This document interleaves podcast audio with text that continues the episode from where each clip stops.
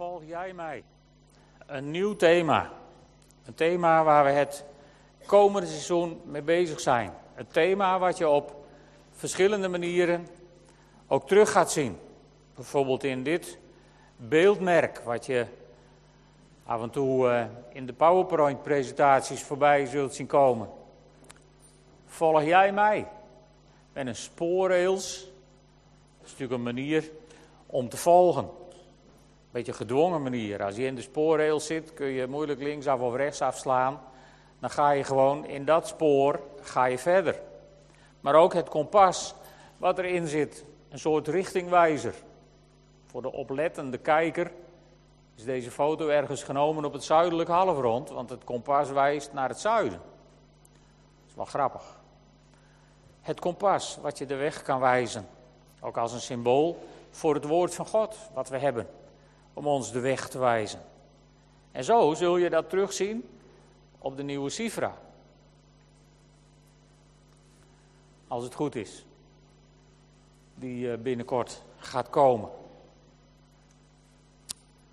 En we zijn aan dit thema gekomen aan de hand van het Bijbelgedeelte Johannes 22, vers 15 tot 22. Dat wil ik graag met jullie lezen.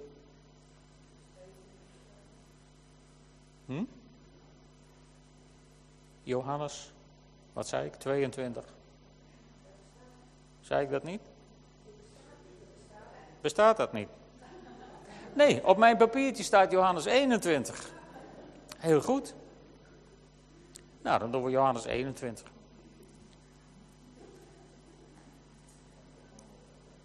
En ik begin, ja, dit is uh, een beetje in de war dus. We beginnen bij vers 25.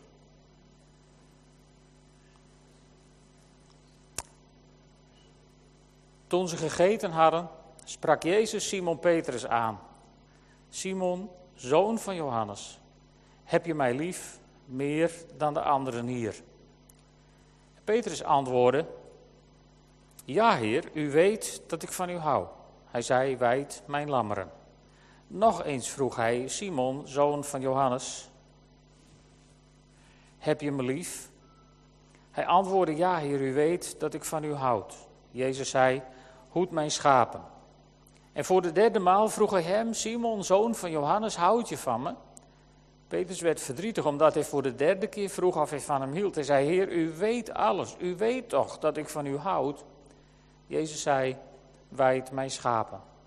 Waarachtig, ik verzeker je, toen je nog jong was, deed je zelf je gordel om en ging je waarheen je wilde. Maar wanneer je oud wordt, zal een ander je handen grijpen, je je gordel omdoen en je brengen waar je niet naartoe wilt. Met deze woorden duidde hij aan hoe Petrus zou sterven tot eer van God. Daarna zei hij: Volg mij. Toen Petrus zich omdraaide, zag hij dat de leerling van wie Jezus hield, Johannes dus, hen volgde. De leerling die, Jezus tijdens de maaltijd, die zich tijdens de maaltijd naar Jezus toegebogen had om te vragen wie het was die hem zou verraden. Toen Petrus hem zag, vroeg hij Jezus: En wat gebeurt er met hem, Heer? Maar Jezus antwoordde: Het is niet jouw zaak of hij in leven blijft totdat ik kom. Maar jij moet mij volgen. Of in andere vertalingen: Volg jij mij. Daar hebben we deze woorden vandaan. Volg jij mij. Spreekt Jezus tegen Petrus dus in Johannes 21, vers 22 of 32. Ja, de nummering is wat in de war hier. Maar goed, de woorden niet. Volg jij mij. Als je aan Petrus denkt, probeer eens even mee te gaan. Petrus moet ongelooflijk teleurgesteld zijn in zichzelf. Ik weet niet hoe hij daarmee geworsteld heeft. Hoe, hoe, de, hoe de dagen, de weken zijn geweest na de kruisiging en na de opstanding. Maar ik kan me wel een beetje voorstellen hoe Petrus zich gevoeld moet hebben die eerste keer dat Jezus live daar weer verscheen na de opstanding en dat Petrus misschien wel gedacht heeft, ik hoop niet dat hij naar mij kijkt. Ik hoop niet dat hij erover begint. En misschien heeft dat hem wel achtervolgd al die tijd dat hij leefde voor deze ontmoeting. Wat moet hij ongelooflijk teleurgesteld geweest zijn in zichzelf. Hij had nog wel zo'n groot woord gehad. Bij de maaltijd, dat staat in Matthäus 26 beschreven, daar zegt Jezus onderweg tegen hen als ze op weg zijn naar, naar de hof van Gethsemane. En dan zegt Jezus, jullie zullen mij deze nacht allemaal afvallen. Want er staat geschreven, ik zal de herder doden en de schapen van zijn kudde zullen uiteengedreven worden. Maar nadat ik uit de dood ben opgewekt, zal ik jullie voorgaan naar Galilea. Petrus zei daarop tegen Jezus: Misschien zal iedereen u afvallen, maar ik nooit. Jezus antwoordde hem: Ik verzeker je, deze nacht zul je nog voor de haan gekraaid heeft, mij driemaal verloochenen. Petrus zei: al, moet ik met u, al zou ik met u moeten sterven, verloochenen zal ik u nooit. De andere leerlingen vielen hem daarin bij. Zo'n groot woord. Hij had zoveel vertrouwen in zichzelf. Al zullen ze allemaal, ik niet. En de eerste die Jezus verlogent is Petrus. Wat moet hij ongelooflijk teleurgesteld geweest zijn in zichzelf. Maar het mooie is dat Jezus het er niet bij laat. Jezus schrijft Petrus niet af. Jezus denkt niet, driemaal is scheepsrecht, mij driemaal verlogend, weg met jou. Integendeel, driemaal verlogende Petrus Jezus. En drie keer mag hij in dit verhaal beleiden dat hij van Jezus houdt. Met andere woorden, het wordt volledig weer in balans gebracht. Drie keer komt die vraag. En drie keer krijgt hij de opdracht om voor de kudde van Jezus te zorgen. En dan zie je nog iets, iets, iets heel aparts. Dan wil Peter zich even bemoeien met Gods weg met Johannes. En dan krijgt hij het deksel op de neus als Jezus zegt, dat gaat jou niet aan. Dat is niet jouw zaak. Volg jij mij. Een nieuw thema. Volg jij mij. En we zullen het het komende seizoen hebben over, natuurlijk, die mij, met een hoofdletter. Over Jezus. Wie volgen we eigenlijk? We zullen het dit seizoen hebben over volgen. Wat betekent dat? Om Hem te volgen. Maar elke keer zul jij centraal staan. Of ik, volg jij mij?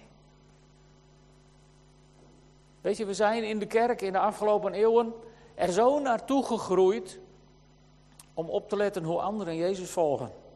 Of ze het wel volgens het boekje doen, volgens de regels, volgens onze regels. We zijn in de kerk zo vaak bezig met kijken naar anderen, naar andere gemeenten, die het minder doen dan wij.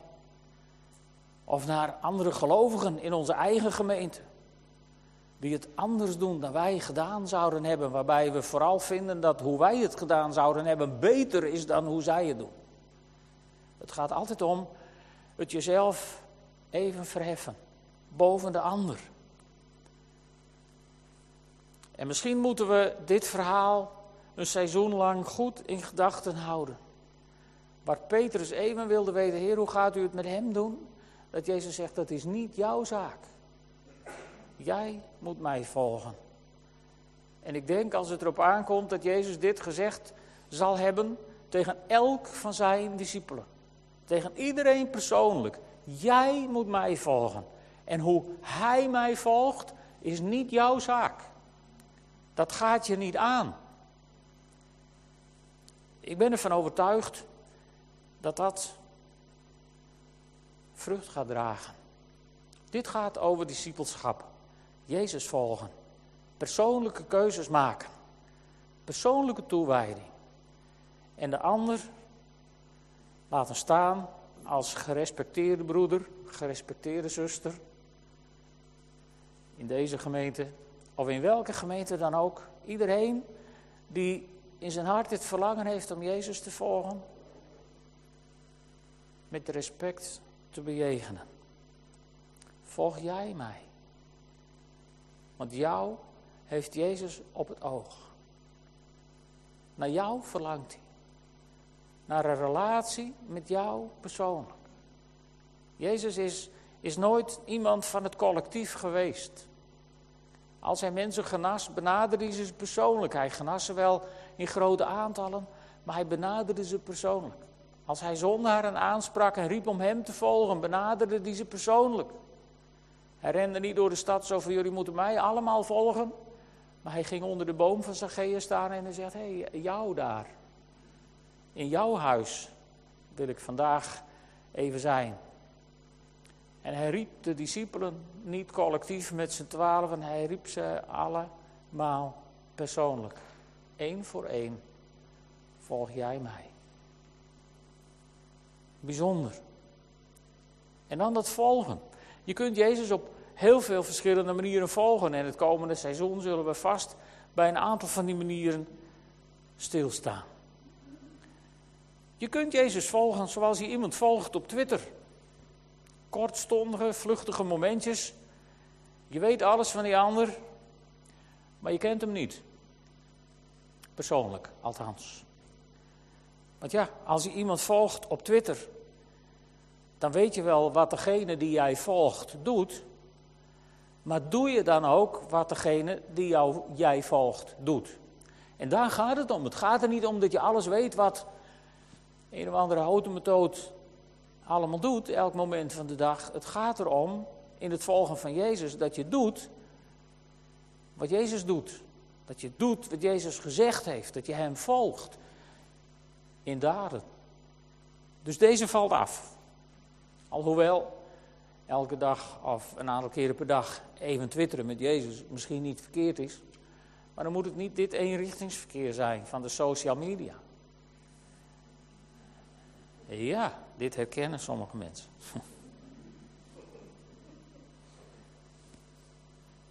dit kan ook een manier zijn om Jezus te volgen. Hier zullen we ook bij stilstaan als we het gaan hebben over ons beeld van God. Volgen omdat het nou één keer moet. De God van de verplichtingen, van de afrekening. Want als je dit voor je krijgt, kost het meestal geld. Meestal word je hier afgerekend op iets wat je verkeerd hebt gedaan. Tenminste, ik heb nog nooit zo'n bordje voor me gehad. Waarna de politieman voor mij uitstapte met een groot bos bloemen om mij te complimenteren met mijn voorbeeldige verkeersgedrag. Ze komen altijd met zo'n boekje. Of met een computertje tegenwoordig, maar het kost altijd geld, hoe je het ook wendt of keert. Dit is het volgen naar de afrekening. Tot mijn verbijstering heeft iemand de afgelopen zomer tegen me gezegd dat hij deze God liever had dan de God van de genade. Want dan wist je tenminste waar je aan toe was. Nou, als ik zo'n woordje voor me krijg, weet je nooit waar je aan toe bent. Alleen dat het geld kost, maar nooit hoeveel. Als daarop zou staan genade, dan weet je dat het gratis is. Maar goed, ook dit zou kunnen. Persoonlijk is dit een van mijn favorieten. Toen ik googelde op Follow Me, toen vond ik dit echt een beeld van een plaatje. Doet me denken aan, aan die prachtige banier Haarje Jehuda, de leeuw van Juda. En hier die grote leeuw, die omkijkt naar het kleintje van, nou, kom maar, volg jij mij, kom maar mee.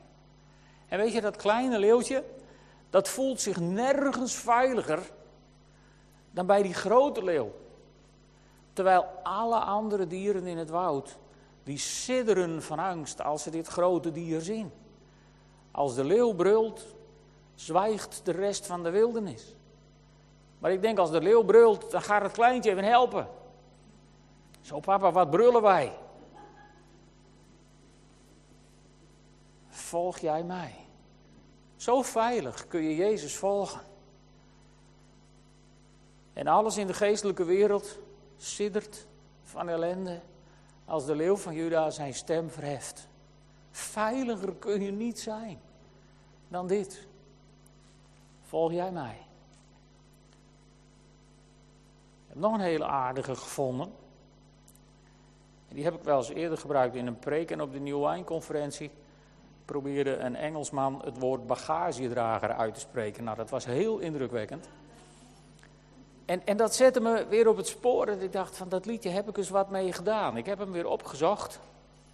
Dus we gaan even kijken en luisteren naar een heel oud liedje.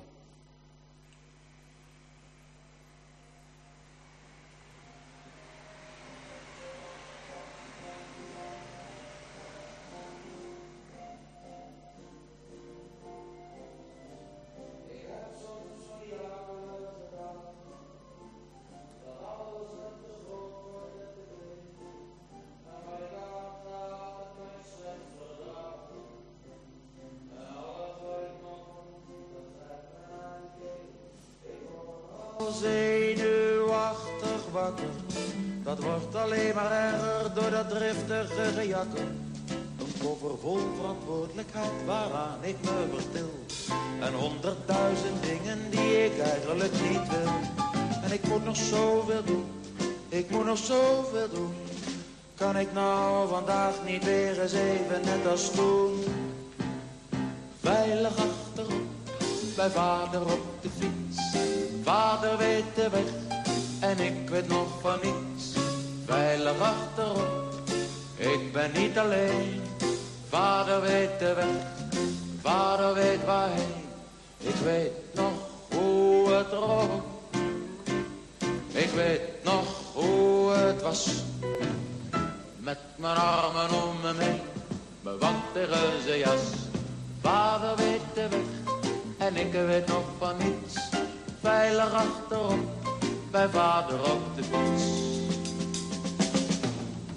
En ik heb zo vaak een onbestemd verlangen, zo'n zeurderig gevoel van droevigheid. En dat verlangen dat kan dagen blijven hangen. En waar ik ga of lig of sta, ik raak het niet meer kwijt. Niks is leuk en niks is boeiend. Alles is vervelend en mateloos vermoeiend lusteloze, levenloze, wezenloze heer.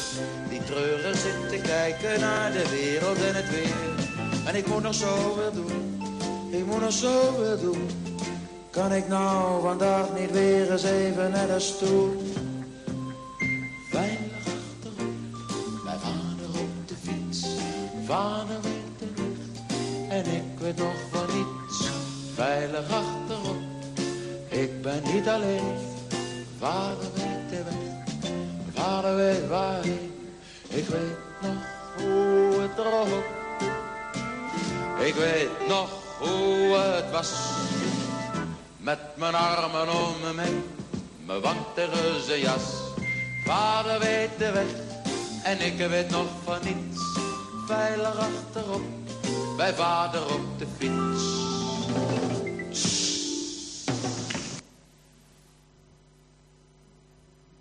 Soms zou je dat willen.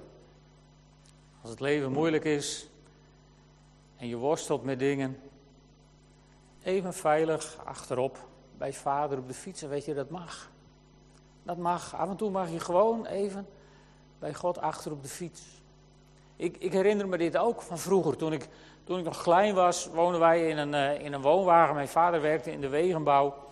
En, en dan reisden we van project naar project, reisden we mee. En, en soms toen ik een jaar of drie, vier was, dan mocht je, dan mocht je wel eens even mee met vader achter op de fiets. Ik herinner me dat nog. Je voeten in de fietstas, zodat je ze niet tussen de spaken kreeg. En, en mijn vader, zo'n een duffelse jas had hij dat, noemden ze dat. Zo'n dik blauw geval. Daar kon je ja, je armen om hem heen. Als je drie bent, dat gaat niet. Maar je kon je daarin vasthouden. Net zoals een, een aapje zeg maar, bij zijn moeder op de rug. Zo kon je je erin vasthouden. En die jekker die rook naar een vleugje dieselolie en een snuifje teer en wat meer van die wegenbouwproducten. Bij vader op de fiets. En het is nooit in mij opgekomen om mijn vader achter het stuur weg te plukken en achterop te zetten. En ik doe het zelf wel. En het stomme is, als we groot worden als christen, zogenaamd geestelijk volwassen, dan hebben we zo vaak de neiging om vader achterop te zetten of in de fietstas te duwen. Ik zelf. Ik fiets wel. Ik bepaal waarheen. Maar weet je, vader weet waarheen. En, en als je echt in de toekomst kijkt, dan moet je met Paul van Vliet toegeven, ik weet nog van niets. We denken wel van alles en we vinden onszelf wel reuze slim. Maar wat de weg van je leven brengt, dat weet je niet. Dus in sommige aspecten is het heel goed om je gewoon lekker geborgen te voelen bij vader achterop, achterop de fiets. En vader weet waarheen. En ik weet nog van niets. Maar als vader het weet en als vader stuurt, dan is dat waar we heen gaan de beste plek om te zijn. Het kan niet beter als dat. Maar goed, je kunt niet altijd, als je volwassen wordt, bij vader achter op de fiets zitten. Soms moet je ook gewoon als een schaap achter de herder gewoon lopen. Maar dan nog komt het erop neer dat het schaap niet tegen de herder zegt: Als jij nou eens achteraan gaat lopen, bepalen wij wel even waar we vandaag gaan eten. Dan komt het niet goed. Wij kennen misschien dat beeld wel van onze Europese herder, die achteraan loopt om de schapen te drijven. Maar de Joodse herder, die liep voorop. En Jezus zegt daar van die prachtige dingen over in Johannes 10. In vers 14 zegt hij: Ik ben de goede herder. Volg jij mij, dan is hij de goede herder. Ik ken mijn schapen. Lieve mensen, zoals je hier zit, hij kent jou. Elk van jou. Door en door. Ook die gedachten, misschien denk ik wel dat hij dat niet wist, maar hij kent jou door en door. En desondanks houdt hij van je. Dat is al een wonder op zich. Hij kent zijn schapen. En mijn schapen kennen mij. Is dat zo? Is dat echt zo? Dat is zo'n vraag waar we het komende seizoen wel eens even bij stil zullen staan. Mijn schapen kennen mij, is dat zo? Ken je hem echt? Anders is het ook dit seizoen weer met huiskringen en themaavonden de kans om hem beter te leren kennen. Maar niet alleen daar, want dan ben je afhankelijk van andere mensen. Je kunt ook zelf je Bijbel gaan lezen, zelf stille tijd houden als je dat misschien nog niet doet. Zelf werken aan jouw relatie met Jezus. Volg jij mij, weet je nog, het was niet collectief, het was persoonlijk, individueel. Volg jij mij. Dan leer je Hem steeds beter kennen. En dan zul je Hem steeds blijmoediger en steeds makkelijker volgen. Mijn schapen luisteren naar mijn stem. Zegt Jezus dan ook. En weet je, en dan, dan volgens mij bedoelt hij dan niet wat wij doen als we hele mooie muziek aanzetten, achterover op de bank gelegen, voeten even omhoog. En dat we luisteren naar zijn stem. Zo van, heeft hij een geweldige stem. En er verder niks mee doen. Luisteren is volgens mij hier in de betekenis dat je hoort wat er gezegd wordt en doet wat er gezegd wordt. Hè? Want dat zeggen we ook tegen onze kinderen. Je luistert niet. Als je nou een slim kind hebt, dan zegt dat kind misschien, ja ik luister wel. Maar ik doe het niet. Ja, dat zou kunnen. Maar als wij het hebben over je luistert niet, dan bedoelen we je doet niet wat ik zeg. Beetje vreemde spraakgebruik ook misschien, maar als Jezus zegt mijn schapen luisteren naar mijn stem, volgens mij bedoelt Jezus dan heel duidelijk mijn schapen horen mijn stem en ze doen wat ik zeg. Is dat zo? Ook daar willen we het komende seizoen elkaar af en toe eens recht over in de ogen kijken. En gewoon het daar eens met elkaar over hebben misschien wel. Is het zo? Doe je wat hij zegt? Leef je volgens zijn aanwijzingen? En dan zegt Jezus, ik ken ze en zij volgen mij. Nou, dat is het ultieme doel van dit seizoensthema. Volg jij mij? Is de opdracht aan het begin. En ik hoop dat de onweerlegbare conclusie zal zijn aan het eind van dit seizoen. Dat Jezus van je zegt, ik ken jou en jij volgt mij. Zullen we gaan staan en samen bidden? Vader in de hemel, ik heb de, het gevoel dat u ons uitdaagt aan het begin van dit nieuwe seizoen met zo'n uitdagend thema, volg jij mij. En heren, wij, wij kunnen dat niet zonder de hulp en zonder de leiding van uw Heilige Geest. Ik dank u, Heer, dat we, dat we daarop mogen vertrouwen. Dat u onze herder wilt zijn, die, die het beste met ons voor hebt, die ons brengt naar grazige weiden en rustige wateren. Maar soms wel over steile bergpaden misschien. Dank u wel dat u onze herder wilt zijn. Dank u wel dat wij af en toe, als het ons even te veel wordt, rustig even met u mee mogen, veilig achterop bij vader op de fiets. Dat u weet waar we heen gaan, ook als wij nog van niets weten. Dank u wel dat u af en toe de leeuw van Juda wilt zijn, die, die onze vijanden verlamt van schrik en ons dan bemoedigend aankijkt. Zo van, kom maar mee, met mij. Heren, leer ons al die aspecten van u, van het volgen van u. Leer het ons kennen, help ons om ze te ontdekken. En leid ons door de kracht van uw Heilige Geest om er dan ook in te gaan wandelen. Dat bid ik van u in de naam van Jezus. Amen.